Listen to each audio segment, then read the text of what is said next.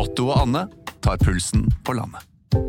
Ja, det gjør vi. Jeg heter Otto Jespersen, og hva var det du het igjen? Jeg heter Anne Grosvold, og hver uke har vi med oss en interessant gjest. Det har vi. Otto og Anne tar pulsen på landet, hører du der du hører podkast. En podkast fra Podplay. Ready? You have the cameras rolling? He was hosting boozy parties in Downing Street. Well, when the president does it, that means that it is not illegal. I have a dream. We will win this election and we will change the country together. Denne krigen eh, bør slutte. Den kan slutte veldig raskt hvis russerne stopper aggresjonen. Velkommen. Velkommen. Mitt navn er Sofie Høgestøl, Og mitt navn er Eirik Bergesen. og dette er vårt nokså uhøytidelige, veldig personlige forsøk på å gå bak ukas nyheter, lete etter sammenhenger, si noe om fremtiden, på jakt etter det store bildet, slik vi ser det. Hver fredag. Det er fredag. Det vil si, i dag er det torsdag. I dag er det torsdag, eh, som betyr at vi da spiller inn før Økokrim har annonsert at de skal holde en liten pressekonferanse på fredag eh, for å avgjøre om det blir noe etterforskning i Sindre Finnes-saken. Så, Så vi vet ikke hva som skjer. det kan være at uh, Høyre ikke har Vi får se, altså den den mannen den partilederen mannen- de i dag har. Ja, den mannen vi har i studio, har jo skrevet en kommentar om det i dag. Uh. Kjetil Alstheim, velkommen. Tusen takk. Ja, Veldig hyggelig å være her. Vi begynner med det første spørsmålet, da. Ja, nei, altså um, Hvis Økokrim innleder etterforskning, så blir det jo veldig vanskelig for Erna Solberg å, bli sittende. Eh, Økokrim bruker jo lang tid, og sånne innsidesaker som det da vil handle om, er veldig kompliserte. Eh, og det å ha noe sånt hengende over seg Og så kan man tenke sånn Det er lenge til neste valg. Det er to år til. Men, men tida går, altså. Og i hvert fall hvis, de skal, hvis Høyre skal ha inn en ny leder og en ny statsministerkandidat, så bør det skje i løpet av vinteren, tidlig vår. Eh, Takk for at du gir mening til en meningsløs øvelse, og snakke om noe som kommer til å ha skjedd før det har skjedd. Um, mm. Men uh, altså Stemningen i Høyre eh, har blitt til meg beskrevet som kjempegod, helt til den ikke lenger er god. Og du får ikke vente på to ting. Du venter på at eh, noen andre rekker opp hånda og sier at hei, jeg kan godt eh, lede, hvis Erna ikke vil. Eh, eller andre ikke vil at Erna vil. Og, at, og, og denne, denne avgjørelsen. Mm. så det, og det, er jo, det er jo svært stille rundt, rundt Høyre lenge, lenge nå, men det er jo en sånn stille før stormen, klassisk følelse. Ja, og så tror jeg de kanskje har tatt det signalet som, som hun selv har sendt. da. Jeg tar ikke uh, store avgjørelser midt i stormen. Eh, og det eh, er ikke bare en sånn programerklæring for henne personlig, men også et signal til partiet. Nå må vi ha litt is i magen. Vi må se hvor lenge er dette en stor sak i mediene. Kan vi eh, Er det noen mulighet til å komme ut av det? Kan hun bygge opp tilliten igjen? Det tror jeg er, er årsaken til det. Men, men spørsmålet er jo hva har dette utløst i partiet av tankevirksomhet om altså De vet jo at Erna Solberg skal gå av før eller siden. Og er det nå snakk om før istedenfor siden? Ja, Ja, jeg tenker jo at det er sånn rent praktisk er Er det ved dette lokalvalg, eller er det ved neste lokalvalg? Det er jo liksom Ja. de to store etappene man vil ha. Eller eventuelt etter et valgnederlag i 2025. Eh, Det er jo de etappene som, ut, eh, som, som utpeker seg, og som du er inne på. Altså, vi var jo gjennom et opprivende partilederskifte etter lokalvalget for fire år siden i Venstre. Eh, Og det er jo litt det, det tidsaspektet at hvis du skal få inn en ny leder, så er det veldig så må du gjøre det i løpet av våren. Alt annet blir veldig sent. Da gir du ikke den personen tid til å etablere seg som partileder før valget. Mm. Hvis du venter lenger enn det. Hvis vi legger til at uh, i dag morges, da, som altså er en torsdag, så kom det en meningsmåling som viste at uh, ja, Høyre eh, taper litt, men Arbeiderpartiet går ikke noe spesielt fram, og Høyre er fortsatt det største partiet. Så hvis du tenker liksom, hvis man ser litt kynisk på det, at, at på så lenge meningsmålingene viser at folk vil ha, ha meg, så blir jeg sittende, jeg. Hvis det er tankegangen til, til Erna, så, så, er, er hun, så er hun fortsatt eh, er fortsatt innafor, da Mm. eh, å bli sittende sånn sett. Men så kan jo noen hevde at, eh, at eh, det er eh, en god grunn nå til å planlegge for fremtiden, og at sånn ja, for eksempel av demokratiske årsaker, da, eh, og mitt, gitt at, eh, gitt at eh, det er habilitetsspørsmål som var det som eh, var med å avgjøre valget, så, så hadde det vært eh, eh, greit å få rydda opp i alle partier. Ja. Dronning Elisabeth snakket jo et år i sin tale, nyttårstale om at det var- vært en, et annus horribilis. Vi har vel hatt et annus habilitetus i dette landet her. Men, og så er spørsmålet litt hva, hva gjør den saken med henne som person? Det, er jo en, eh, det går jo rett inn i hennes nærmeste familie. Og som hun selv har snakket om, har jeg, vil jeg ha energien til å gjenoppbygge tilliten. Vi, Dette tror, kunne vi snakket mer ja, om. Det- det Noen er tror ikke- kanskje at vi skal snakke om det ikke- dette i, i det er ikke derfor vi en time. deg. Ja, Noe som folk kommer til å vite fasiten på Innen de hører på denne episoden. de på denne episoden. Ja. Men nei da. Og ikke skal vi snakke om uh, Erna engang. Vi skal snakke om Jonas. uh, og Skal heller ikke snakke om Mike Pence. Det skal vi gjøre neste uke. Ja. Det vil jeg bare si innledningsvis til lytterne våre. Vi har jo fått med oss at det skjer mye amerikansk politikk nå. Mike Pence har droppet ut av presidentvalget. Eh, ikke så overraskende hvis du le, le Politico hadde en sånn stor eh, portrettintervju av han for to uker siden, hvor de viste at han sliter med å få 15 stykker til å komme på en pizzabar, liksom. Og det, det får vi til og med til i Oslo Venstre. Da tenker jeg at da, da sliter du, som tidligere visepresident. Og han har ikke noe penger igjen. Så det var ikke sånn, sånn sett ikke Han sto i den situasjonen at han måtte enten velge å ta opp et personlig lån for å finansiere det som ser ut til å være en totalt urealistisk presidentkampanje, eller ikke. Um, men eh, vi, eh, neste uke er det jo ett år til USA-valget. Neste uke blir det skikkelig stor USA-valgepisode, for nå skjer det veldig mye.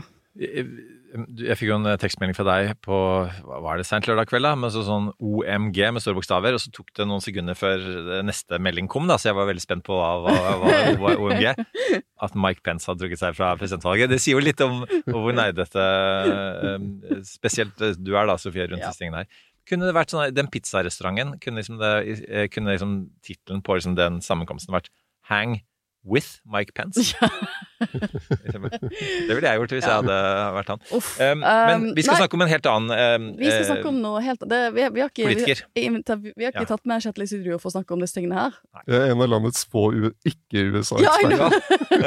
Du er litt nervøs nå, for du, du trodde at vi skulle snakke 20 minutter om Mike Nei, vet Pence. du hva, jeg antok at da ville jeg ikke sluppet til med dere to i Ja, det er sant. Uh, nei, men uh, du uh, kom uh, nylig med en bok som heter 'Jonas og krigen'. En statsminister i krise. Og, og den, den, det krisebegrepet kan være mangslungent. Det var, var mye som skjedde der. Det var blant annet et valg, inn mot et valg, eh, og disse habilitetssakene har vi allerede snakket om. Så alt, alt gikk inn i det. Eh, og så eh, er jo det eh, ikke det, den eh, krigen vi snakker om, det er jo Ukraina-krigen. Mm. Eh, og, og så har det har jammen meg kommet en, enda en krig eh, sånn eh, på oppløpet eh, av Ja, boklanseringen din. hvordan, hvordan føltes det å lansere en bok om Ukraina-krigen midt i det vi får en, en, en, opptra en skikkelig opptrapping i Midtøsten? Det illustrerer egentlig noe av det den boka viser. eh, At hvis, når, når det er valgkamp, så snakker partier om alt, de skal, alt det fine de skal finne på å gjøre, og alle nye velferdsordninger og skattelettelser og, og sånt noe. Og så får man makt og kommer inn i regjeringskontorene. Og det du må bruke masse tid på, er å håndtere de krisene som ramler inn døra. Og alle regjeringer får kriser, små og store, som, eh, som, som blir det de, de er nødt til å bruke krefter på og penger på, og altså, bruke oppmerksomheten sin på. Og det Støre-regjeringen har opplevd, er jo Jeg tror ikke det er mulig å sammenligne Det er vanskelig å finne en regjering som har hatt Jeg tror ikke du kan finne en regjering som har hatt eh, en sånn meny av kriser på, på denne siden av andre verdenskrig. Med, sant, De kommer inn, eh, alle tror at pandemien er over, og så kommer liksom ekstranummeret til pandemien med omikron. Du får en strømpris som plutselig suser i taket, og folk skjønner ikke hvorfor. Eh, og så kommer det en krig i Europa. På toppen kan- av det. Jeg det var Og det er ikke slutt med det. ikke sant? Du får, får eh, prisvekst som eh, ingen skjønte hvor lenge skulle vare. for renter som går opp, og, og det eneste som går ned, er kronekursen og oppslutningen om regjeringspartiene. Og så kommer det da en, et voldsomt drama i Midtøsten nå. Jeg, jeg syns det var interessant at du, du begynte liksom boken Boken er jo skrevet kronologisk. Så du begynte boken med å skildre Jonas Gahr Støre sin utenrikspolitiske, eller politiske egentlig, oppvekkelse som barn. Og, og viste hvordan det har vært linket til russiske dissidenter um, for ganske tidlig av. Og så skildrer du uh, hvordan de satt der og skrev um, nordområdepolitikken i Hurdalsplattformen, og hvor personlig og tett involvert Støre er i å, å gjøre nettopp det. Og det er litt morsomt, for vi jo vi, vi begynte jo egentlig pod-året vårt med å spille inn en, um, en livepod i Tromsø. Eh, Hvor vi snakket om nordområdepolitikken. Og da hadde vi jo lest eh, Da leste jeg, satte vi meg virkelig ned og så gjennom den biten av Hurdalsplattformen, og også tenkte også da, ble også slått av hvor mye som har endret seg. Så nesten alle de forutsetningene i de kulepunktene som er skrevet der, er ikke um, er, er snudd opp ned, da. Mm. Eh, men men det, det syns jeg det, Jeg visste ikke at Støre hadde en sånn uh, fortid med å, eh, med å være studentaktivist eh, som støttet eh, russiske dissidenter. Nei, og det var jo mens han var i Paris på Sciences Po og ble del av den, gruppen som jobbet for De valgte seg ut 15 russiske dissidenter. Og, og så prøvde de å støtte dem ved at de, de reiste jo inn undercover. Med, med ting som de ville bidra med til dem og, og for å hjelpe dem, og liksom snek seg rundt i Moskvas gater og, og, og sånt for å liksom, oppsøke de dissidentene. Så det Støre har Støre har jo øh, omtalt det som at det var hans Utøya. Mm. Det var det han brukte, det politiske engasjementet han hadde eh, som student. Du, måten du skildrer dette på, er er jo det er litt sånn for sånn Le Bureau-vibe, nesten. ikke sant? Støre sitter jo der nede i, i Paris og er student, og liksom på, på flyet til Leningrad, hvor han liksom han, han bare sånn river i stykker noen sånne adresselister og skyller ned i do rett før de lander. Det, er, det er jo eh, nesten sånn eh, et, et spionasjeagentnivå på dette her. Altså han har jo hatt, så Det jeg er interessant, her, at han, eh, han har hatt et, eh, denne interessen for Russland og Sovjetunionen den gang, helt siden, eh, siden den tiden. Han tok alle, alle kurs han kunne på, om det i, i, i Paris. Eh, Og skrev jo da siste året så skrev han en oppgave om, om stats- og regjeringssjefers rolle i kriseløsning. Oi! Så jeg kan si, det var jo en relevant oppgave. Tror du han har bladd gjennom den oppgaven nå? nå som han... Ja, det, var, det var i hvert fall, Jeg vet ikke hva han tenkte da på den tiden, at dette kommer til å bli veldig nyttig for meg. Jeg lurer på om den ligger på hylla, men han tar den opp og blar liksom. Ja, riktig, ja, ja, men da er jeg på, på kurs. Men Henry Kissinger skrev for øvrig eh, semesteroppgave i eh, grunnfagpolitikk eh, som het eh, Hva kan vi lære av historien? På 200 sider. Eh, så det, det, disse folkene her de er, jo, er jo eslet eh, til, eh, til sine oppgaver. Men eh, det er altså måten eh, Vi skal snakke en del om Russland og på en måte noen veldig interessante passiarer der rundt, rundt eh, hans eh, gode kontakt, da, for å si det sånn, eh, utenriksminister Lavrov. Men, men bare sånn derre det, Altså Støre selv, da, som person, for nå har du, du har altså da gått bak kulissene med ham. Um, eh, Støre er jo en, en rimelig privat person i offentligheten. Statsministerens kontor er jo en institusjon som på en måte eh, hegner om, om he hemmelighold av diverse gode grunner. Eh, Men så har du fått eh, et innblikk, du har vært, vært med litt eh, rundt omkring, har, har fått lov til å ha ganske inngående samtaler rundt disse tingene her. Um, og, og på en måte hva, hva, Hvis vi bare begynner med sånn, hva er det vi på en måte Ja, vi visste ikke at Støre var en sånn lille Byrå-fortid, men hva, hva annet er det vi ikke vet om Støre som måte overrasket deg, som tross alt da har- dekket norsk politikk og Støre veldig tett i mange år? Eh, Det, er, eh, altså det, har vært mange timer med intervjuer, eh, og det har jo vært eh, mye sak. For, bare, for, det, for, min del har det handlet om å komme inn i, i de prosessene som har vært der, og få mer innblikk i det. Sånn som f.eks. Den, den første helgen etter fullskalainvasjonen, den russiske fullskalainvasjonen av Ukraina. Når de sitter da i regjeringens sikkerhetsutvalg og prøver å finne ut skal vi donere våpen til et land i Mm. krig. Og vi husker jo en del av den offentlige debatten, men det da å få ham til å fortelle om hvilke vurderinger var det de faktisk gjorde, hvilke spørsmål var det de stilte seg, eh, hvordan de gikk opp historien tilbake til eh, da, da Norge sendte, sendte våpen til Cuba, og så var det plutselig et eh, kommunistisk kupp der, som, som havnet i litt overraskende hender. Eh, og også det, det, det diplomatiet rundt den beslutningen, hvordan de, de har kontakter med liksom, Finland, Sverige, Tyskland for å koordinere seg. Eh, det, er, eh, det har vært viktig for meg i den boka. Og så er det noe også med å, få, få som man kommer innom eh, ved flere anledninger, er den, den Han kaller det perspektivforskyvningen i offentligheten, eller det Han opplever et veldig tungt alvor av å håndtere den situasjonen med krig i Europa, og så ser han ikke helt det alvoret i samfunnet. Og så eh, merker jeg jo, når han snakker om det, at det er jo ikke han kan jo ikke klandre folk for at de ikke er reddere for at det er krig i Europa. Det er jo en god ting ved det norske samfunnet. Men det blir jo det er vanskelig når du sitter og håndterer noe som er, du opplever er så dramatisk. De sitter der i regjeringens sikkerhetsutvalg, får lagt frem for seg kart som viser slik vil en atombombe over Oslo eh, virke. Eh, og så lever alle andre sine daglige liv, og ser ikke helt hva, hva slags krise de faktisk håndterer. Veldig støresk da, å kalle det for perspektivforskyvning, istedenfor bare 'folk skjønner ikke greia'. for det er ikke sånn at han sitter ikke liksom på SMK og river seg i håret og bare sier 'hvorfor er det ingen som skjønner greia'? Det er ikke, det er ikke Raymond, dette Det er her. ikke det. det, er ikke det. Forskjellen, forskjellen på de to. En av mange forskjeller på de to. Men jeg syns det er en interessant parallell med, med det som skjer nå, for denne uken er det jo Nord, han har jo Nordisk råd har sett det i Oslo. Det er derfor det ikke har vært vanlige stortingsmøter. De har hatt møter på Stortinget.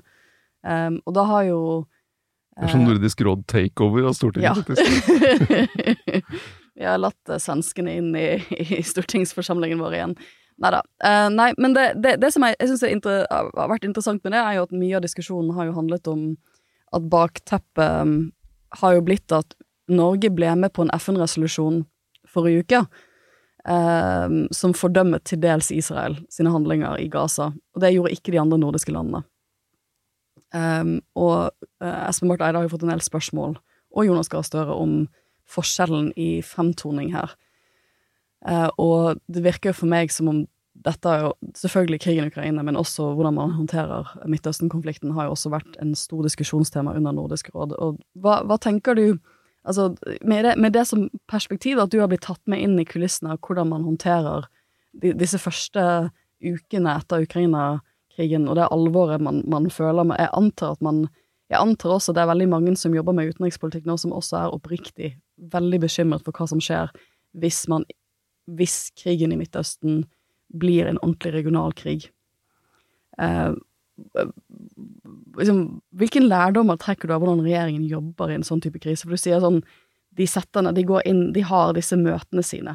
Mm. Liksom, hvilke organer er det som møtes og treffes og, for å diskutere eh, realitetene i en sånn type krise? Det, regjeringens sikkerhetsutvalg er jo veldig viktig organ her. og Der har du en del faste statsråder som er med. eh, Med statsministeren selvfølgelig, utenriksminister, forsvarsminister, justis- og beredskapsminister. eh, Og så er det litt avhengig av sak hvem som trekkes inn. Og i tillegg, så har, du, i tillegg, i tillegg så har du tjenestene, som de sier. Altså forsvarssjefen, eh, Politiets sikkerhetstjeneste, eh, E-tjenesten. Eh, Sånn at du har et, eh, et organ der det ikke bare er politikere som sitter og diskuterer, men du har fagpersonene inne i rommet. Eh, og de har brukt, pga. Ukraina-krigen, ekstremt mange timer i regjeringens sikkerhetsutvalg for å, å drøfte gjennom alle de beslutningene og vurderingene og, og altså, få oversikt. Alle de rundene om våpendonasjoner, f.eks. Og jeg, vil, jeg, vil, jeg er ganske sikker på at det har vært veldig mange timer nå om situasjonen i Midtøsten. Og så pågår jo dette Dette vet jo du jo en del om, Erik, med din bakgrunn fra diplomatiet, så har du jo alle de andre kontaktene her. Og i Midtøsten-situasjonen så har jo eh, jeg, jeg, I tillegg til å ikke være USA, ikke USA-ekspert, så er jeg ikke Midtøsten-ekspert, men Norge har jo en lang historie her. Med, og leder for giverlandsgruppen for eh, Palestina osv. Så videre. sånn at du, Norge bruker jo nå alle de kontaktene. Og i tillegg så har du den den direkte kontakten på liksom, stats- eller regjeringssjefnivå. Eh, og det, det er også noe som slo meg da jeg, da jeg skrev denne boka, hvor mye tid det går for, for Støre som statsminister til å ta en del kontakter som andre ikke kan ta. Mm. Det er ikke sånn at han kan delegere til utenriksministeren og snakke med Olaf Scholz i Tyskland, Nei. eller Emmanuel Macron. Det må man Eh, gjøre selv. Det må han gjøre selv, og det er, det er han som har den personlige relasjonen til Anthony Blinken fra da Hillary Clinton var eh, utenriksminister. Så han må bruke den for å liksom ha den direkte kontakten med ham og med Jake Sullivan, eh, sikkerhetsrådgiveren til, til eh, Joe Biden. Så det handler jo om eh, altså det kontaktnettet eh, som eh, er jo også ekstremt viktig, da, særlig for Norge som er utenfor EU. Eh, Støre får jo ikke vært med på de alle de toppmøtene som EU har i en sånn situasjon. Diskusjonen nå eh, for noen dager siden i EU om eh, hvordan de skulle formulere seg. Der møtes jo de ustanselig, disse regjeringssjefene i Europa, og har kontakter hele tiden, mens en norsk statsminister liksom jobber sånn Passe på å få, få avtale om den neste telefonen, og, og til slutt liksom ha Uh, kunne sende tekstmeldinger. Litt som JC synger, ikke sant? Obama on, uh, got Obama on text. Så du trenger, trenger å ha den eh, Det er rett og slett nettverksbygging, altså. Og det, det er også interessant å se Støre rundt i, på sånne Jeg har sett ham på et par sånne klimamøter, hvor eh, ekstremt aktiv han er på å ta Mm. de der korte samtalene. Eh, og en av dem han hadde en sånn kort samtale med, på, det var klimamøtet i Glasgow, eh, altså høsten 2021, mens vi, de fleste av oss ikke eh, trodde at det skulle bli noe krig i Europa. Og så er de på en sånn, et sånn eh, flott eh, ja, eh, gammelt bygg i ærverdig sted, eh, svær sal i, i Glasgow, der eh, Joe Biden og alle, alle de andre kommer, og Støre ser at der står det en litt eh, lav fyr litt alene i en krok. Og han går bort og hilser, og det er første gangen han møter Zelenskyj. Og, og, det, det, han, og det første av flere ganger han møter Zelenskyj. Og, og du beskriver um, eh, altså Støres eh, karakteristikk av, av Zelenskyj litt sånn seinere i, i boka, eh, som, som handlet om at eh, De snakker om det å, være pappa, og det å være familiefar. Eh, og Støre beskriver han som en veldig eh, Altså en, en veldig menneskelig person, eh, veldig eh, emosjonell eh, person. Eh, og på en måte sånn der, og tydelig at Støre beundrer han for, for disse kvalitetene, i tillegg til på en måte sikkert det militærstrategiske.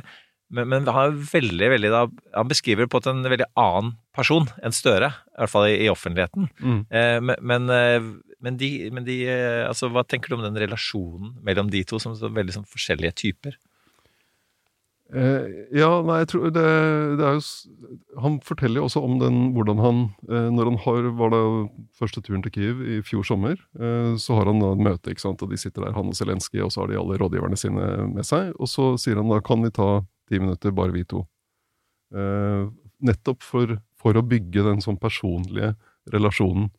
Eh, og få hvis, du, hvis det er problemer med liksom, oversettelse, så bare kaller vi inn en, en oversetter. Så det virker jo, altså han har jo en sånn, han jobber jo også for å bygge de, de personlige relasjonene. Eh, og så er jeg enig i at de, han beskriver en annen person enn den han selv er, men det er en annen regjeringssjef som han beskriver, som jeg oppfatter at han kjenner seg igjen i. Ja, og det ville mange tenke at det er helt sikkert Macron. De har sikkert sittet og drukket rødvin og sitert Baudelaire til hverandre. Men nei da. Nei, altså det er eh, og, det, og det er Olaf Scholz, altså forbundskansler Olaf Scholz i Tyskland, eh, som eh, og Støre beskriver hvor, hvordan Scholz er en, en, en som ikke vil la seg rushe til beslutninger. Dette handler jo om, om disse stridsvognene og sånne ting. Eh, og, og beskriver der Scholz på en måte som, tenker, da, som fikk meg til å tenke her kjenner han igjen seg selv. Det, men jeg, jeg synes det, det er jo en av de tingene som gjør boken virkelig spennende, er jo å få den type innsikt. For jeg tror ganske mange leser i avisen, selv denne uken her, tenker sånn hva, hva kan Norge gjøre i Midtøsten? Liksom? Og hvordan, ikke minst, hvordan setter vi politikken vår? Hvordan bestemmer vi oss for om vi skal støtte en FN-resolusjon, eller hvordan, hvordan jobber vi egentlig i praksis med disse spørsmålene her? Og som du sier, jeg tror hvis du, hvis du ser på så, nyhetene, så tror jeg man av og til kan um, ikke få et ordentlig innblikk i hvor viktig den relasjonsbiten er. Alle er jo mennesker til syvende og sist, og hvor relasjonsbasert internasjonale, altså internasjonale relasjoner er eh, mellom, mellom mennesker. Da, er, og som du sier, det er jo da på statsledernivå. Det, det er jo det som er viktig, at du har eh, Norge ville sett annerledes ut hvis vi, hatt, hvis vi nok hadde hatt en statsminister i denne perioden her som ikke også hadde vært utenriksminister, ikke også hadde hatt det utenrikspolitiske nettverket som Støre har. Og den evnen som du sier, at å ha Obama under tekst ikke, ikke at Obama er den som man trenger tekst i dag, men det, det, det at han har liksom Det at han kan si Et par dager etter terrorangrepet i Israel at jeg snakket med Netanyahu personlig. Det er ikke alle eh, statsledere fra mindre land som kan si det. Norge har jo, som du sier, en veldig, en, en, hatt en veldig spesiell rolle i Israel-Palestina-konflikten. Um, men, men hvordan Altså, dette er jo den type arbeid, den type relasjonsarbeid, den type uh, krevende 'jeg må ta disse uh, telefonene personlig, det kan jeg ikke delegere videre'. Det er jo ikke noe vi nødvendigvis ser i offentligheten når de innenrikspolitiske krisene drar seg til. Um, er det jo ikke litt sånn, eller jeg får av og til litt inntrykk av at hvis du er en veldig flink utenrikspolitisk statsminister, så, er, så styrker ikke det deg nødvendigvis innenrikspolitisk. Nei, det er vanskelig å, å, å, bruke, å bruke, Det er vanskelig nettopp fordi har, så lenge du løser et problem eller håndterer det, så blir det jo ikke noen store saker ut av det. Eh, så det, og så var jo det også noe Erna Solberg opplevde, tror jeg, som eh, statsminister. At, eh, eh, at nettopp det å håndtere den type eh, uten, Altså utenrikspolitikken er, tar ekstremt mye tid. Mm. Eh, Vi tenker liksom at dette er utenriksministerens bord. Eh, Men, eh, men sånn er det ikke. Altså, utenriksministeren har jo en kjempestor rolle, eh, åpenbart. Men, men den, mye havner helt, helt på toppen. Hvis vi skal hoppe litt tilbake til det der med til Midtøsten-konflikten og det, den resolusjonen og de, de valgene Norge gjorde der, så, så syns jeg det er interessant å se også hvordan, hvordan Støre har hatt en litt annen tone enn andre europeiske land og andre allierte om Ukraina, der han hele tiden har vært opptatt av å si at vi må, vi, altså, Russland blir ikke borte, vi må tenke hva, hva kommer etter krigen, hvor, hva slags forhold skal vi ha til Russland? Uh, og som han har sagt gjentatte ganger, vi kan ikke klippe Russland ut av kartet. Og så tror jeg uh, noe av det uh, som er, også er viktig i, i Kan ha vært viktig da, inn i vurderingen av hva Norge skulle stemme om den resolusjonen, er altså, no, Noe av det diplomater fra vestlig side har jobbet ekstremt mye med, er å prøve å få land i sør til å, å skjønne at denne krigen i Ukraina, den må fordømmes. Eh, og det arbeidet man har fått til der, er jo, står jo i fare nå, fordi eh, de opplever at eh, eh, med rette eller ikke, at Vesten har en annen standard for Israel. Eh, og det, det er jo altså Hvis man ikke passer på det, så vil jo det også, også komme i rekyl på, eh, på mindre støtte til, til Ukraina senere. Jeg syns det var veldig interessant at det var akkurat sånn Espen Barth Eide valgte å ordlegge seg når han fikk spørsmål om hvorfor vi støttet den resolusjonen og ikke. Det var jo nettopp at det er viktig også at vestlige land viser eh, at, vi, at det ikke blir en oss mot resten. Um, at vi eh, strekker ut en hånd. Um, det det syns jeg er interessant, for vi, vi snakker jo mye i poden vår om dette endrede globale maktbalansebildet, ikke sant. Vesten er i en transisjonsfase, verden er i en transisjonsfase når det kommer til dette hegemoniet vi har levd i siden andre verdenskrig, hvor USA er klart største supermakt, og sånt, verdensorden er litt basert på det. Nå er vi nok i en mer skiftende tid, hvor du har litt andre typer maktpoler i verden, og da, det har jo noe å si for hvordan Vesten navigerer det, og som du sier, hvis man, dette har vi snakket om med utviklingsministeren på podden, Liksom, hvis du ønsker at uh, det såkalte globale sør skal støtte oss i Ukraina, så må vi også eh, evne å se eh, eh, andre saker fra deres perspektiv. Mm. Eh, og det, men det, og det syns jeg var veldig interessant at det var litt av begrunnelsen her. Eh, men så ser vi også, man ser også hvor polarisert dette Vesten-narrativet er denne uken. Det er jo sånn interessant, det er, eller for oss er det jo bare interessant for de som, igjen, for de som, sånn som vi snakket om Forrige uke og uken før det, sant? for de eh, sivile i Gaza, så må dette være, eh, oppleves veldig rart at vi sitter her og har sånne type metadiskusjoner om, om konflikten. Um, men mye, eller en del av det offentlige narrativet, både i Norge, men også i andre vestlige land, har jo vært litt uh, denne debatten sant, om er det egentlig et vi, ikke sant, hva, hva, hvordan er vi-et? Uh, hvis vi ikke tar uh, sterk avstand fra drap på barn, for eksempel, og drap på sivile, som vi nå ser i Gazastripen. Eh, så det er liksom, jeg føler at jeg holder ofte foredrag om internasjonal politikk, men det er veldig sjelden at du ser at sånn, en del av de sånn store sånn, diskusjonene om Vesten og sånn, det altså, at, at det skjærer så, så rett inn i nasjonalpolitiske debatter på en så emosjonell måte. Altså, jeg skjønte, jeg er jo ikke på TikTok selv, men jeg skjønte, på, i, i VG har jeg skjønt, gjennom VG har jeg skjønt at den, dette nå er en, en hard tilspisset konflikt blant influensere, hvordan de velger å ordlegge seg i denne konflikten her. Og det er jo eh, og det er, altså jeg, jeg skjønner jo eh, engasjementet, eh, og så er det spørsmål er det, det- Må det virkelig ta stilling til altså Må du velge side i den konflikten? Eh, problemet her er jo altså Du har et, hatt et forferdelig terrorangrep på Israel, som har satt noen traumer i det samfunnet som vil ta Jeg tror ikke vi, vi, vi, vi, kan, vi kan tenke tilbake til 22. juli, hvor var vi fire uker etter 22. juli-angrepet? Vi var liksom Vi hadde ikke lagt det bak oss på noe som helst vis. Og det, det å, å forstå det, de reaksjonene i det israelske samfunnet er jo helt avgjørende for å skjønne den siden. Og så er det en krig eh, mot, eh, som rammer sivile i, i Gaza på helt grusomt vis. Og og øh, dette er en konflikt som ikke har vært øh, ikke vært løst på noen, noen hundre og tusener av år. Og spørsmålet er og, og, og, folk ramler tilbake til hva skjedde i 1948, og hva skjedde i Jom Kippur-krigen og sånne ting. Og, men spørsmålet er hva gjør vi nå? Ja. Og det er, eh, det er jo noe av den bekymringen fra de, som, de vestlige landene som måtte anerkjenner at eh, Israel har rett til å slå tilbake mot Hamas. Altså, hva er planen etterpå? Um, Jeg husker uh, under uh, den arabiske våren, hvor uh, sannsynligvis et, et bevis på at jeg ikke hadde vært lenge nok i diplomatiet, så lot jeg meg engasjere veldig, og på, på en positiv måte. Jeg tenkte som at nå skjer det ting i Midtøsten. Og så husker jeg Støre var ute og sa "Mm, vent nå litt, dette dette er, dette er ting som eh, vil ta tid. Vi, vi kan også risikere at, at ting eh, går ett skritt fram og, og, og to tilbake. Um, eh, Ola sa sånn, sånn, sånn cirka det, det ble sånn oppfatta. Du, du verden, det var veldig defensivt. Det var veldig forsiktig, Jonas. Men så er det det som har skjedd. Eh, og um, og det, det er ting Historien, historiens tann beveger seg langt saktere enn vi ønsker oss. Um, og, og, og det tenker jeg sånn at um, Og dessverre er, er det det også som er realitetene i, uh, i den konflikten vi snakker om nå. Uh, og, hadde det vært så enkelt som å legge fram en, fredsavtale med Hamas, så, så, så, hadde, hadde man kanskje gjort det.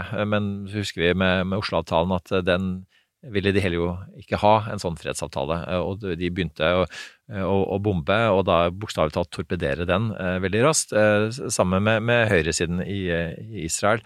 Um, eh, og også, men så jeg, for meg, og jeg tror for mange, som var det jo grufullt både også å se den eh, eh, mot, mot eh, disse bombene mot flyktningleiren eh, nå, eh, og så høre da militæret si at ja, eh, vi visste at det var sivile der, antageligvis så og så mange sivile òg, og eh, antageligvis kalkulert med at nå er det også grunn til å tro at det var mer enn én person de var ute etter, men altså en eller annen type kalkyle som innebærer at ok, vi for å ta ut så og så mange um, skyldige, så tar, kommer vi også til å ta ut så og så mange uskyldige.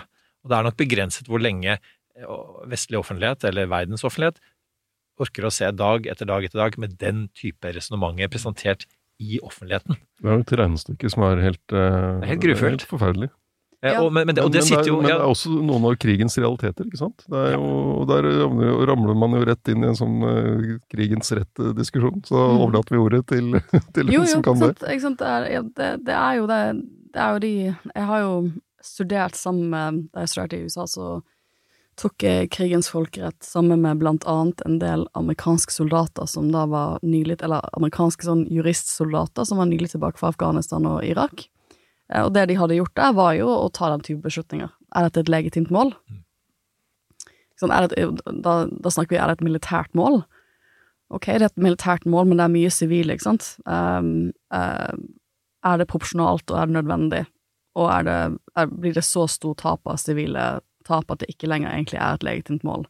Det var den type beslutninger de tok hele tiden, uh, som jeg tror for de aller fleste av oss er ganske um, vanskelig å forstå, den type kalkyler. En av de store tingene som skjedde denne uken, er jo at den eh, statsadvokaten, eh, han som er sjefstatsadvokat ved den internasjonale straffedomstolen, Kareem Khan, eh, dukket opp i Egypt. Eh, og det syns jeg var overraskende, eh, fordi at jeg har jo gått rundt og ventet på at de skal si noe, for de har, den internasjonale straffedomstolen har egentlig en pågående etterforskning i Palestina. Det har de hatt i flere år. Så jeg har jo ventet på at de skal si noe til den effekt at nå må alle parter respektere krigens folkerett, vi holder på å etterforske her. Men han valgte da faktisk å, reise ned fysisk til Egypt eh, og holde pressekonferanse der. Og jeg tror prøvde å holde en tale hvor han liksom prøver å me me meisle hele bildet og prøver å anerkjenne is den tapene Israel har vært gjennom eh, 7. eh, oktober, men også gjør det veldig klart at en del av de eh, sivile målene som nå, til, som nå blir truffet i Gaza, sånn, da, da begynner vi å snakke krigsforbrytelse. Han kan ikke si at det er en krigsforbrytelse nå, han skal etterforske. Eh, og også utsultningen av lokalbefolkningen, altså sivilbefolkningen, er også grensa også opp mot en krigsforbrytelse. Og han sa, innledet jo disse, disse Han innledet jo uttalelsen sin med å si at akkurat nå så trenger vi ikke sant, Jeg ble statsadvokat ved den internasjonale straffedomstolen fordi at vi trenger eh, La not in abstract terms, altså ikke bare sånn abstrakte eh, sånn teorier for akademikere, jeg følte meg litt truffet da, men vi trenger liksom ordentlig, vi trenger ordentlig juss, sånn at folk ser justice in action. Eh, Rettferdighet. rettferdighet i det virkelige liv. Eh, og det er, og For partene jeg, ikke, vi har jo snakket, jeg har jo snakket om dette før på podden, jeg tror ikke partene i konflikten tilsynelatende ser ut til å bry seg nevneverdig om dette, her, men det betyr jo i ytterst konsekvens at man kan se tiltaler eh, fra den internasjonale straffedomstolen. Eh, de har jo allerede tiltalt Putin, de går jo, det var det jeg skrev doktorgraden min om, de går jo vanligvis etter eh, folk høyt oppe i hierarkiet, og man kan jo risikere fra israelsk side nå at man får tiltaler mot eh, en del av de personene eh, både militær og politisk ledelse som har vært med på å ta de beslutningene rundt for eksempel ja, flyktningsleir, eh, bombing. Eh, så det, men, men hva det vil ha å si politisk, om det vil ha å si noe politisk, det vet jeg ikke. I sånne, altså Det som er likt i alle sånne konflikter, er jo at du har én ting du sier eh, til eh, mikrofonene, og så har du én ting du gjør, sier bak kulissene, så- som, som du beskriver, eh, Kjetil, eh, i kontakten med, med statsledere. Eh, Og det er jo veldig tydelig i denne konflikten her. Eh, Det er nok ingen tvil om at eh, eh, Norge, USA, eh, alle som, som ser dette utspille seg, ønsker å begrense mest mulig sivile tap. eh, Ønsker noe som er ja, i realiteten noe, noe, en, en type våpenhvile. Eh, og så vet vi at eh, EU brukte så mange dager og uker nesten på å diskutere hva det egentlig innebærer, at det er et mangefasettert begrep. Eh, eh, men og, og, og, apropos relasjoner, eh, Biden er jo så gammel at han eh, har jo kjent Netanyahu i 40 år, eh, som, altså i virksom politisk eh, relasjon. Um, og, og det, den, vi vi, vi har ikke rukket den episoden om Israel og USA, eh, Sofie. Den kommer. Eh, men, men mye av dette handler om å på være, ja, være Israels venn på en måte som i, i, i en type sånn moralsk emosjonell støtte, men også bruke det til å få de eh, eh, til å dempe seg mest mulig, til å få dem til å forstå den ene, eh, ene eh, karakteristikken som, som, eh, som, som, gjelder, ja, det, gjelder på den planen som Biden hadde med seg, i hvert fall i kofferten på vei ned dit. da.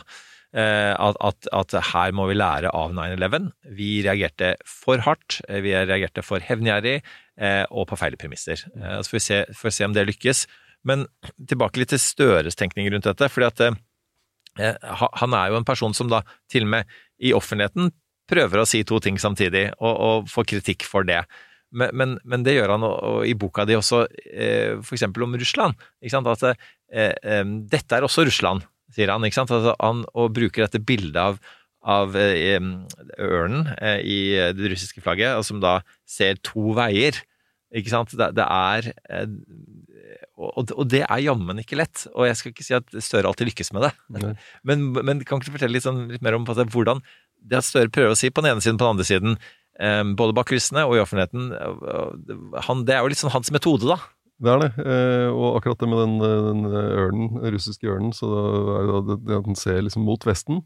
Eh, og ja, det vi liker, da. og så innad mot Østen, eller ja, i den mer autoritære retningen. Eh, og det Han var jo eh, utenriksminister i en periode der, eh, der, det, der det skjedde ting. Det var mulig å få til ting i forholdet til, til Russland. Der det store var jo delelinjen. Men Det, også, det er jo vel en av hans største bragder som altså, politiker inntil han ble statsminister, da. Ja, og for egentlig også en av de største bragdene til hans kollega, den russiske Ja. kollega Sergej Lavrov, det at de fikk på plass den enigheten.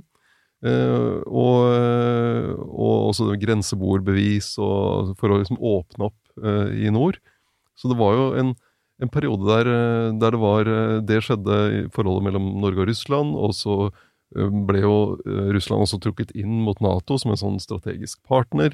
Og det er jo veldig rart å tenke på nå, fordi, fordi tegnene på hvor Russland var på vei under Putin, var jo også synlige.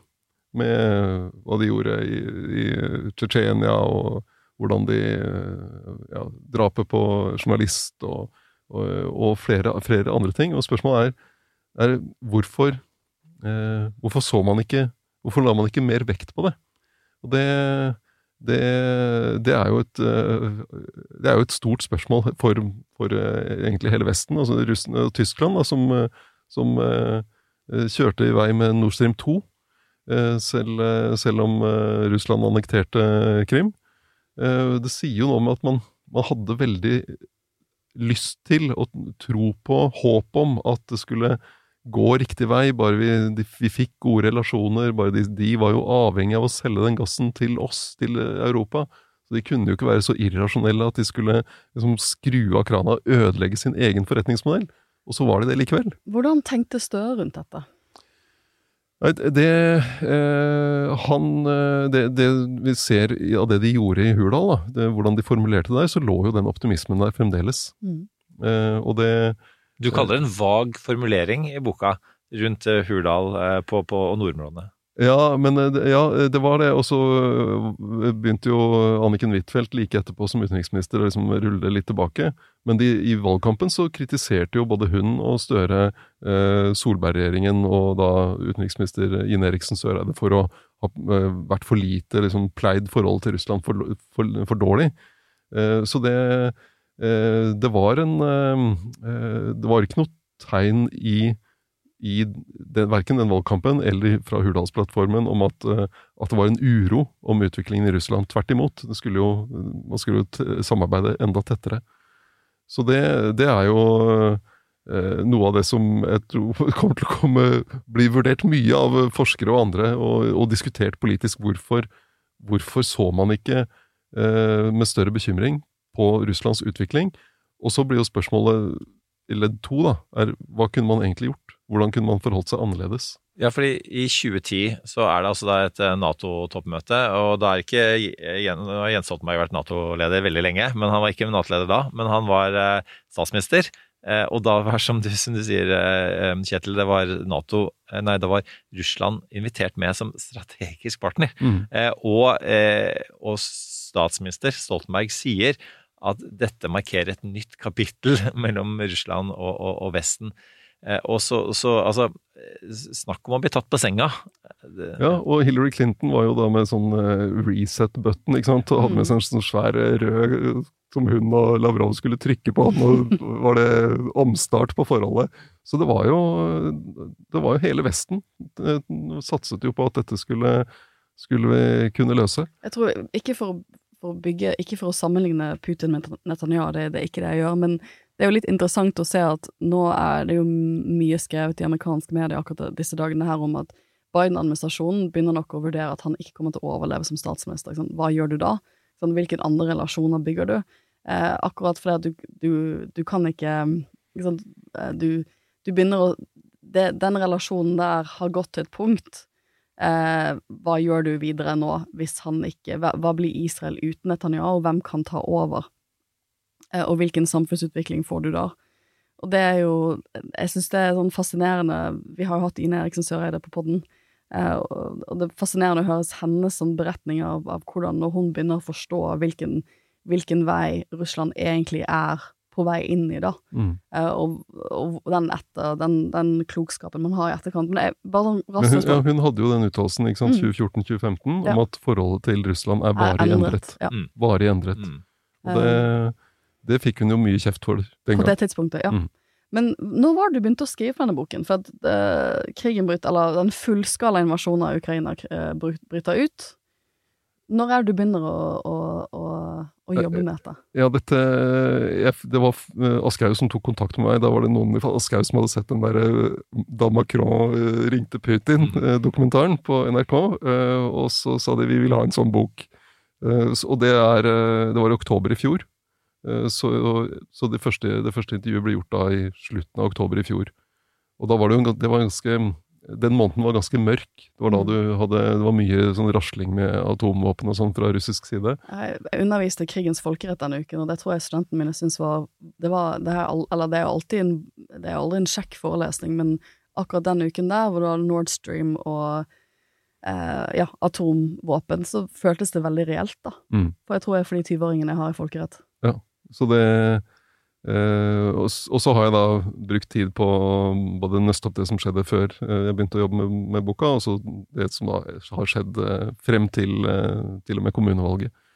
Og det stoppet jo ikke da med drama, så Hvordan var det å måtte sette punktum? Altså, du, du, du, det, det har jo ikke vært et sånn naturlig punktum i norsk politikk Nei, siden du begynte ikke. å skrive på dette? Nei, og det eh, Da jeg hadde første intervjuet med Støre, og så spurte han ja, hva er liksom planen, når skal det boka ut og sånn, så jeg nei, planen er at den skal ut eh, høsten 2023.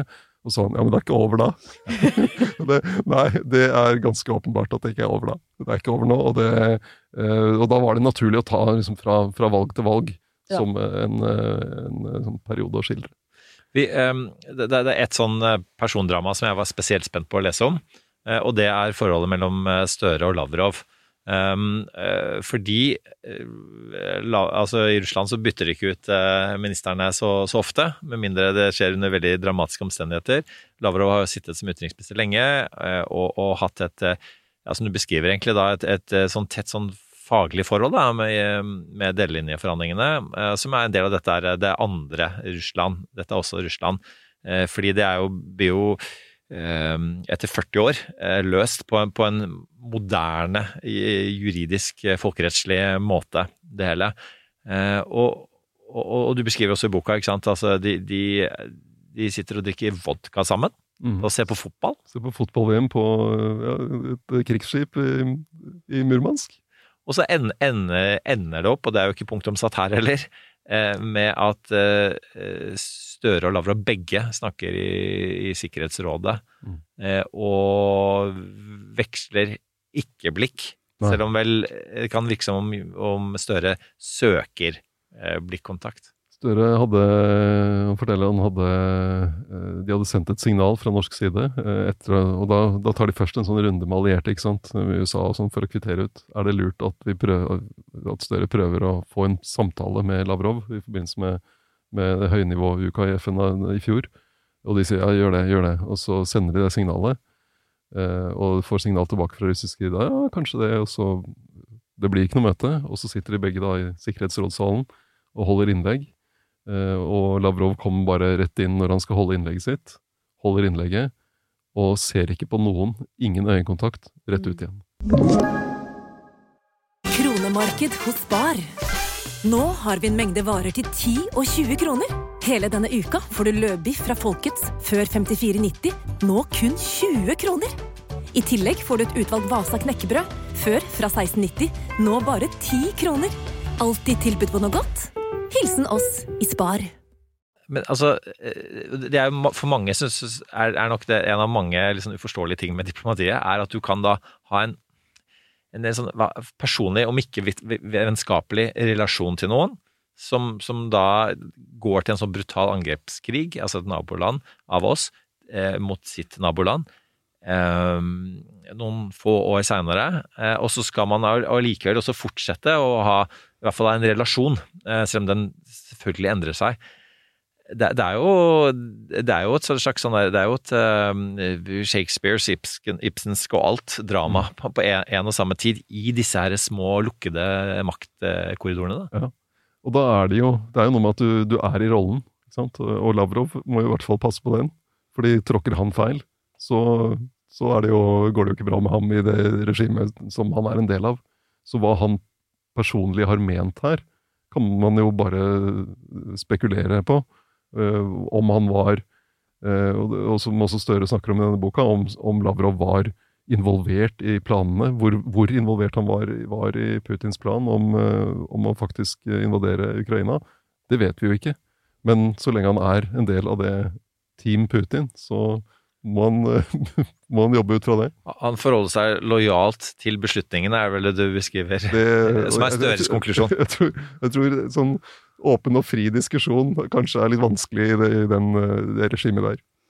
Jeg synes det har vært mye interessant som har kommet ut denne uken eh, i norsk utenrikspolitikk. Eh, jeg, vi snakket jo nettopp at, om at um, når man ser tilbake til hvilken type relasjon man bygde med Russland, og hva man planla for, for det videre, da, så er jo litt, det er jo litt der man er i, med mange av aktørene som jeg nettopp var inne på i Midtøsten også. Um, sånn Netanyahu overlever han denne, dette innenrikspolitisk? Er han på vei ut? Hvordan skal man forholde seg til Hamas uh, i, for å løse opp i denne konflikten? Det har jo vært uh, avsløringer denne uken om at Anniken Huitfeldt Altså hvordan norske relasjonen til Hamas har vært, og hva man har tenkt rundt det. Um, og så har det jo vært mye om EU denne uken, og vi vet jo at våre lyttere er EU-interesserte. For det er jo sånn typisk spørsmål, sånn som når verden ser ut som den gjør, burde ikke det reaktualisere en EU-debatt? Og Ine Eriksen Søreide har jo brukt denne uken på å prøve å relansere en sånn ordentlig norsk EU-debatt, eh, som da tilsynelatende Støre har svart ut i avisene i går, eh, eller det onsdag, eh, for de av dere som lytter på fredag, eh, og avvist. Mm. Og da enig, det har vel vært overskriften i Aftenposten og VG, eh, enig med Sylvi Listhaug om at det er ikke aktuelt akkurat nå. Mm. Men når man leser boken din, så får man jo et inntrykk av en mann som er glødende opptatt av EU-prosjektet. Hvordan balanserer han de to tingene? Altså, han er jo 100% eurofil. Mm. Det må vi kunne si. Eh, men så, så jeg, er, og, og den situasjonen her handler jo veldig mye om forholdet mellom Norge og EU. Eh, så sanksjonene, eh, sanksjonspolitikken, der Norge er eh, helt, nesten helt inkludert.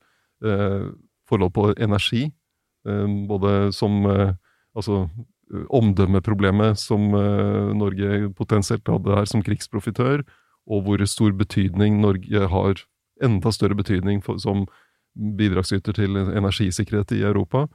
Og samtidig det å håndtere hvilken rolle skal Norge spille eh, som energileverandør i en situasjon der europeiske land vil akselerere den grønne omstillingen. Mm. Uh, alle de tingene kommer jo inn. Uh, og han, og du, vi har sett det etter koronakommisjonens rapport nummer to, hvordan de sa det er helt avgjørende for norsk helseberedskap å pleie et godt, tett og nært forhold til Europa. og Helseminister Ingvild Kjerkol jobber for å få Norge med i den helseunionen. Eh, næringsminister Jan Christian Vestre jobber for at Norge skal få delta i denne nye satellittprosjektet til EU på sikker kommunikasjon. Eh, og eh, altså flere sånne saker der de jobber for å, eh, for å integrere Norge enda mer, koble Norge enda mer på eh, EU-samarbeidet. Ut fra også rett og slett beredskap og sikkerhet, og en del ting som Nato ikke gir. Men, eh, og de tingene vil Støre gjerne snakke om. Men uh, da jeg spurte ham eh, hva med liksom, EU-debatt og EU-medlemskap, så sa han, sier han i den boka at uh, det mener han ikke er ansvarlig i en situasjon der det er så viktig at vi står samlet, fordi det vil være så polariserende. Det, jeg syns det var overraskende da han sa det, og at han var så, så tydelig på å avvise det. Og så, så kan det være mange grunner til at han gjør det. Det var en ting som, som er sånn interessant da, kontrast i boka di, hvor sånn her ekstrem eurofil han åpenbart er og har alltid har vært, eh, samtidig som hvor på en måte liksom, nesten litt sånn klinisk han kvitterer ut eh, eh, altså eh, realitetene rundt at, at han ikke ønsker å gå inn, i, eh, inn for noe, noe EU-medlemskap. da. Eh, fordi eh, Det er mange ting man kan si om akkurat den uttalelsen der, at, at en EU-debatt vil være polariserende. Det, kan, det kunne jo fort eh, Finland og Sverige sagt også om sin Nato-debatt. Eh, Men, men det er noe sånn eh, demokrati funker, da. At man, må, at man gir befolkningen muligheten til å ta stilling til også kontroversielle ting. Men um, altså Måten du beskriver Støre på i, i boka, er jo et sånn derre og han, altså dette kan han jo. Han, han, han fyker rundt og han, han, sikrer eh, eh, gode relasjoner til, til eh, Europa og EU.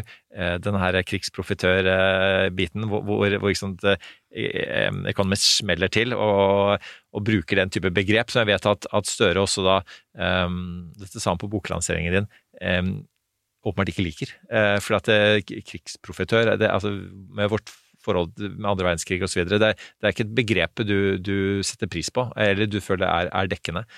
Um, men um, min tanke, da, som, som tidligere EU-diplomat, er jo at eh, måten um, Støre fungerer på eh, i relasjonen til alt det der, er jo måten Norge kunne godt fungert på hvis vi hadde vært medlem i EU. Og det å stole på at en statsminister har alle disse kontaktene, har den eh, eh, lidenskapen for disse spørsmålene, er jo ikke gitt. Eh, og, og jeg vil jo si at, at, at høyreregjeringen også fungerte veldig godt her, og Bent Høie sikret jo Norge at vi fikk vært med på disse ulike koronatiltakene. Men, men og det, for de som har lest om det, eh, ganske tilfeldig noen ganger eh, hvordan det, hvordan det skjedde. En vennligsinnet svenske som berget oss, skaffet oss vaksiner. Det, er jo, det bør jo ikke være den type tilfeldigheter.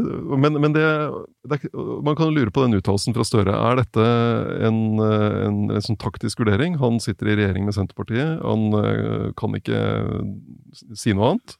Eh, eller er det litt et traume som, som eh, den generasjonen i norsk politikk har fra 1994?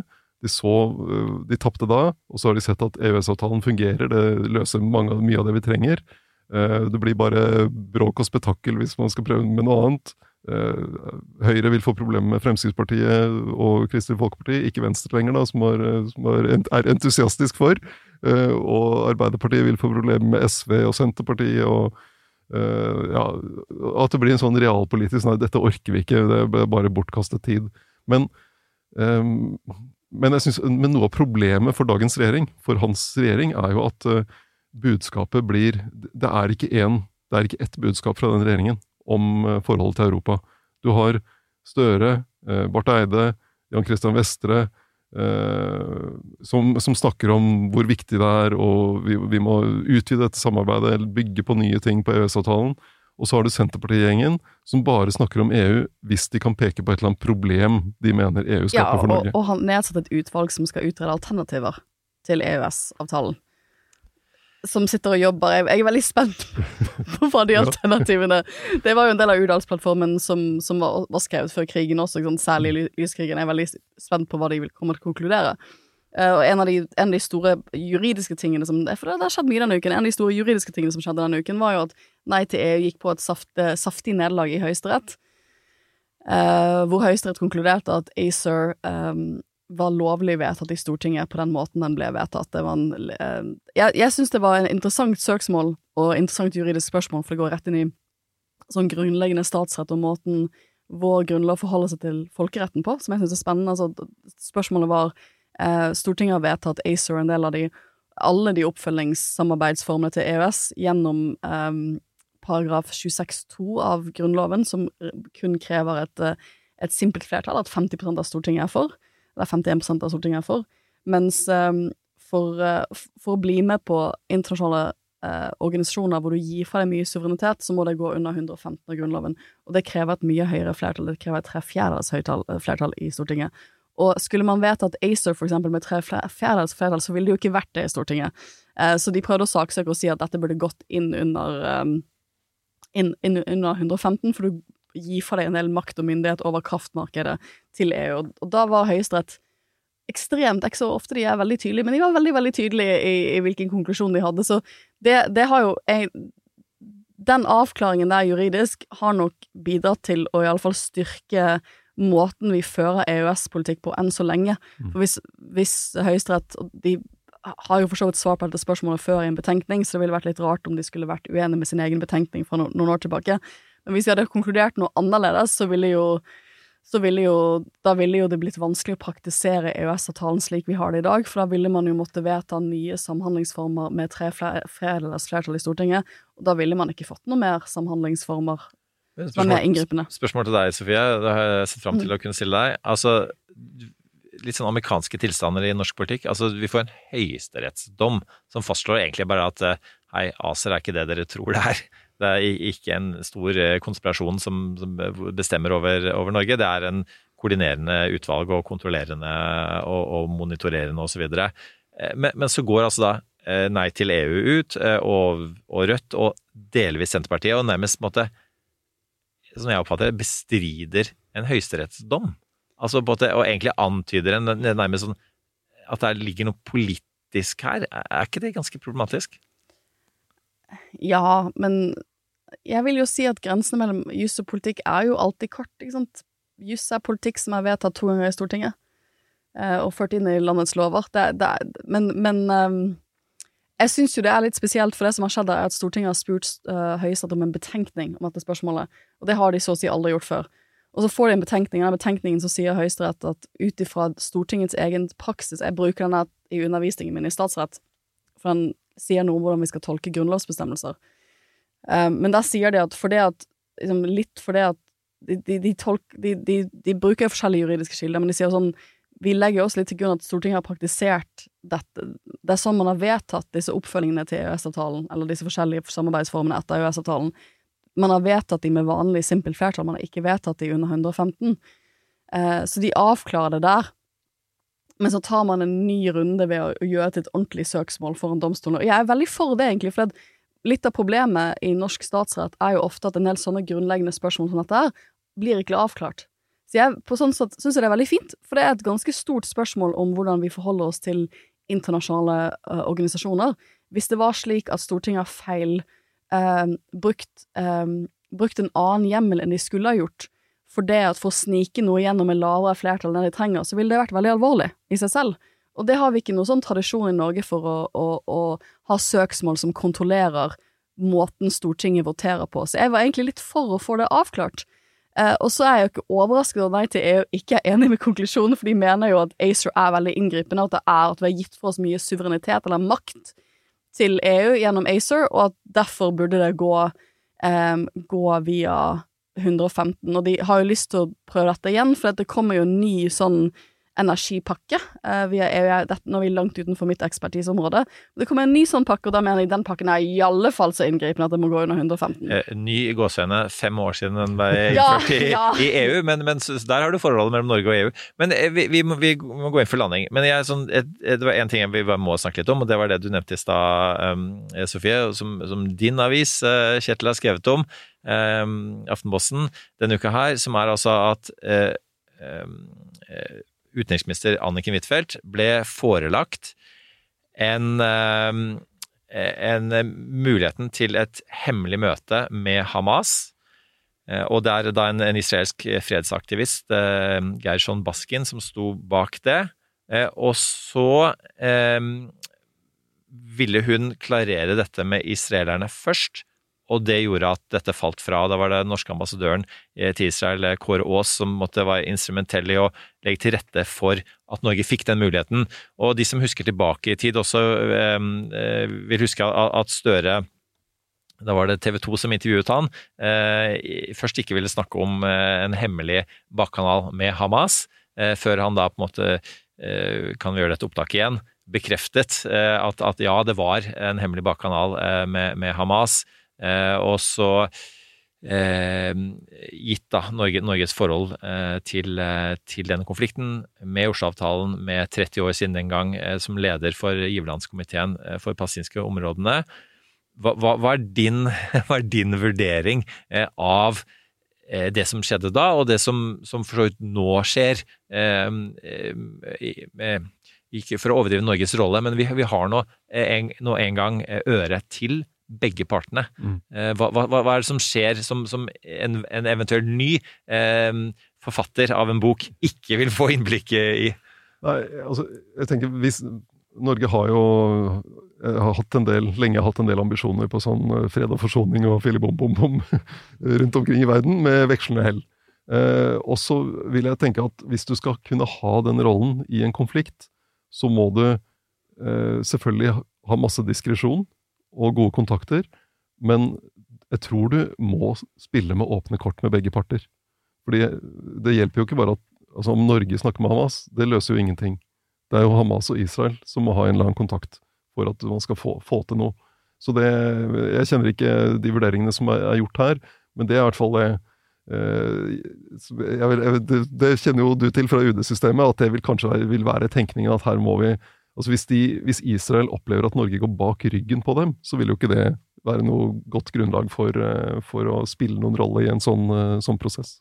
Jeg syns jo det Kanskje eh, Boken er jo i seg selv veldig interessant, men det er jo, det er jo de tingene man sitter igjen med, er alle de vanskelige veivalgene man må ta utenrikspolitisk eh, som statsleder, eh, og som utenriksminister, men, men gjerne, som gjerne tynger på deg altså personlig som statsleder, hvordan du skal relatere deg til partene, hvordan det skifter seg ut ifra Du må liksom hele tiden veie den idealismen av hva du ønsker, men også hva er, uh, hva er viktigst for Norge, altså hvordan tjener du norske interesser best? Liksom, burde man snakke med Lavrov etter invasjonen av Ukraina? Det, det, er jo disse veldig vanskelige veivalgene man må ta, som man må, må fortsatt ta i Ukraina-krigen, men som nå liksom, over, er veldig overførbar til hvordan man skal håndtere partene i, um, i Midtøsten. Mm. Og det, eh, Apropos ting vi har vært innom her tidligere. Eh, altså det, vi, det, vi, har sett, er jo at det skjer dramatiske, uforutsette ting eh, i verden rundt oss. Og en ting som kan skje om et år, er jo, som dere skal snakke mye om, og mer om i neste uke, er at Trump kommer tilbake. Og hva gjør det med Norges forhold til USA? Hva gjør det med USAs forhold til Europa? Hva gjør det med Norge som står utenfor EU, er med i Nato? Altså hele den, den eh, situasjonen. Og der, eh, noe av det norske diplomater gjorde før Trump vant i 2016, var jo å prøve å knytte kontakter inn mot hans apparat. Og det, det lurer jeg på. Altså, hva, hva gjør norske diplomatiet nå på, for å, å forberede seg på et, en eventuell, et eventuelt comeback for Donald Trump? Det, og når det er så mye annet som skjer i verden også, hvordan skal du bruke diplomatiske ressurser på akkurat den eh, brannslukkingen, hvis, hvis det er der man står om et halvt år, at man tenker at oi, nå må vi passe på at vi har noe tilgang til den en Trump-administrasjon. Og det var egentlig en veldig god tease til neste ukes episode, som vi allerede har bestemt er ja, ja. ett år til presidentvalget. Eh, Og med Kan, det kan, kan, jeg bare stille et sånn nerdete spørsmål som ikke har noe med det vi har altså, Nerdete spørsmål? Eh, nei, en time med nerdete spørsmål. spørsmål. men, men som ikke har noe med boken å gjøre, men som jeg tenker ofte på. Du skriver jo ofte sånn helt fantastiske kommentarer fra Stortingets muntlige spørretime. Takk. Du har gjort det til en sjanger som jeg syns er veldig morsomt. Eh, som fokuserer på hva stortingspolitikerne og statsrådene sier og ikke sier, og litt hva som ligger mellom linjene til det som blir sagt. Eh, har du sett en endring i hvordan norske politikere snakker med, med stadig flere sånn når, når, du, har, du har jo vært vitne til mange en spørretime, og det er kanskje det er en interessant sjanger, for da får du jo se politikerne litt mer fri dressur, men fortsatt ganske sånn disiplinert sensur. Det er jo ikke sånn at man dressur, det er ikke sånn at man går opp på talerstolen der og stiller spørsmål man ikke har tenkt, eller jeg antar at de fleste har tenkt på hva de, hva det jeg tenkte å spørre om min spørretime. Eh, har du sett en endring i måten norske politikere ter seg, eller snakker på, i de spørretimene? Det er et veldig godt spørsmål, altså. Eh, dette er jo en eh, skisse, heter den sjangeren. Den er noe min, min gamle kollega i Dagens Næringsliv, Kjetil Widsvang, importerte fra britisk presse. Der har du hatt parliamentary sketch siden eh, 1800-tallet en gang. Og det er en sånn sjangerhybrid, der du både har reportasje, tilstedeværelsen, det er eh, kommentar, og det er satire i den, i ulike blandinger avhengig av skribenten. Så det er en veldig morsom eh, sjanger å jobbe med, og det gir en eh, annen måte å skildre politikken på. fordi det er jo Politikken er jo også litt teater, ikke sant? Og stortingssalen er en sånn teater. teaterscene, der du kan, og, og folk er veldig nakne der. Du har ingen powerpoint eller noe sånt. Du har ikke noen rådgivere? Det er ingen rådgivere, rådgivere som er Du har dem på tekst, da, selvfølgelig. Eh, og du har ikke noe publikum som, eh, som kan klappe. Du kan få latter i salen. Eh, Noen få er gode til det. Eh, Men du ser eh, Så de er liksom veldig nakne. Du ser de som greier å, å ta poenger og, og gripe dem og bruke dem videre, og så ser du de andre som bare er knytten, liksom bundet i det manuset de skrev på forhånd.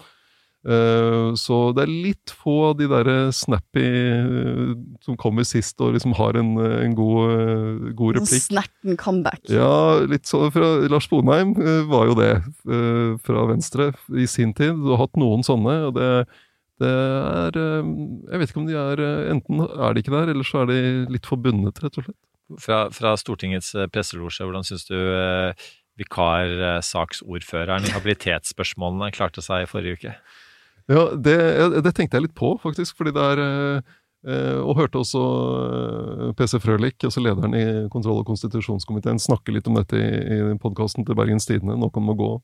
eh, om, om den dynamikken du får i en sånn sak. der det, altså Nyhetshjulet spinner jo ekstremt fort. Så når det kommer en ny sånn sak med Jan Christian Vestre, du er inne og må kommentere den på, sekunder, på fem minutter, ikke sant?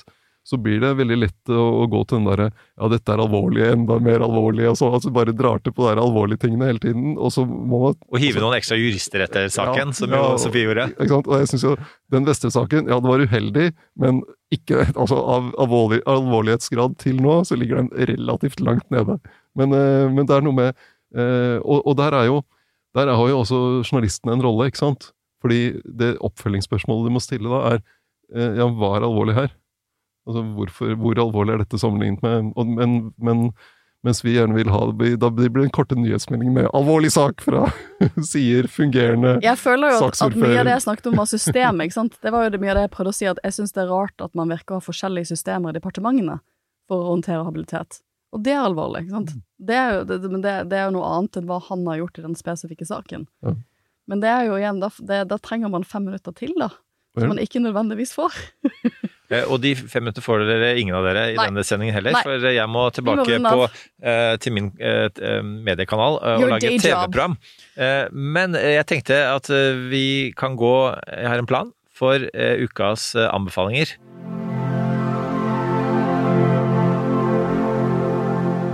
Jeg tenkte vi kunne vie ukas anbefalinger til den store politiske dramaserien denne uka, Makta. Jeg vet at dere også har gjort det i Aftenpodden, eh, Kjetil.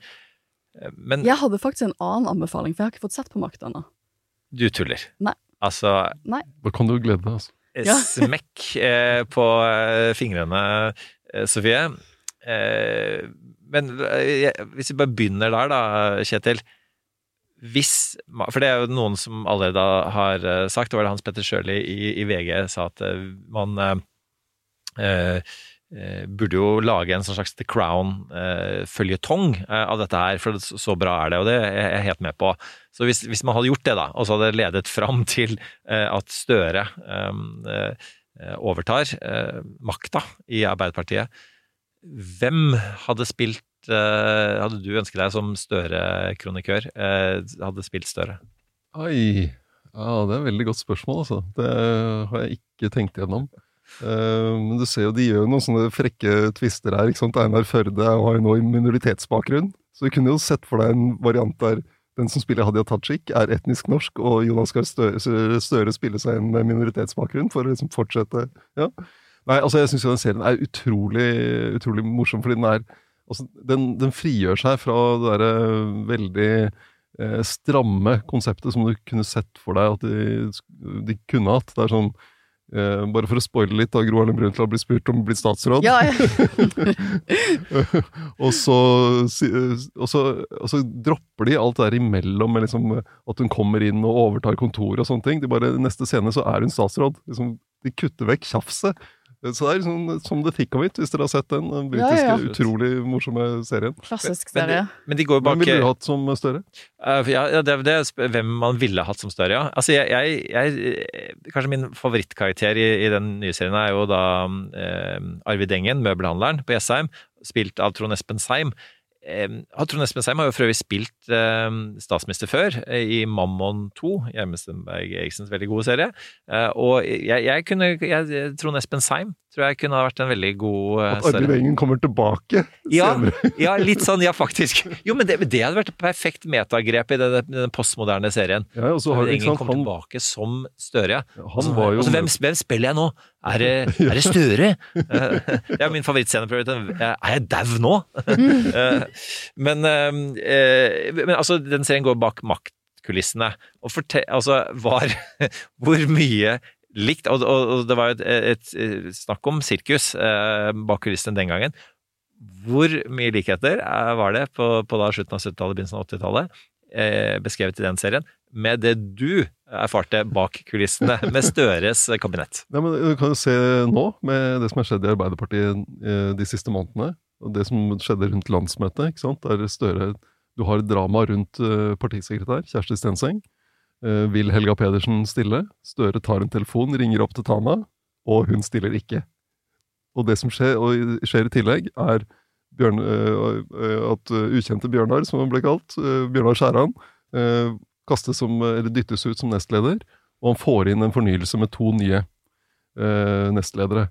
Som jo også er litt det samme det du ser i starten av den serien, at du har et generasjonsskifte. At det tas noen maktgrep, og du får en ny generasjon inn. Så det er bare masse paralleller her. Og det jeg reagerer veldig på, er at i boka så skriver du ikke om, rett før dette, at eh, du sitter på livepodkast med det store bildet sammen med Helga Pedersen. eh, og, og, og, og vi snakka jo litt med, med Altså, den- den episoden har aldri kommet ut, for dessverre ble lydopptaket så dårlig, eh, Ja. lytter. Men ja, vi, vi så, så den EU-biten av det fikk vi jo tatt igjen litt. Grann, Det var eh, nå. Arendalsuka i, Ja, i år. rundt et bål, faktisk. Det var Et veldig varmt bål. som å sitte i en sauna.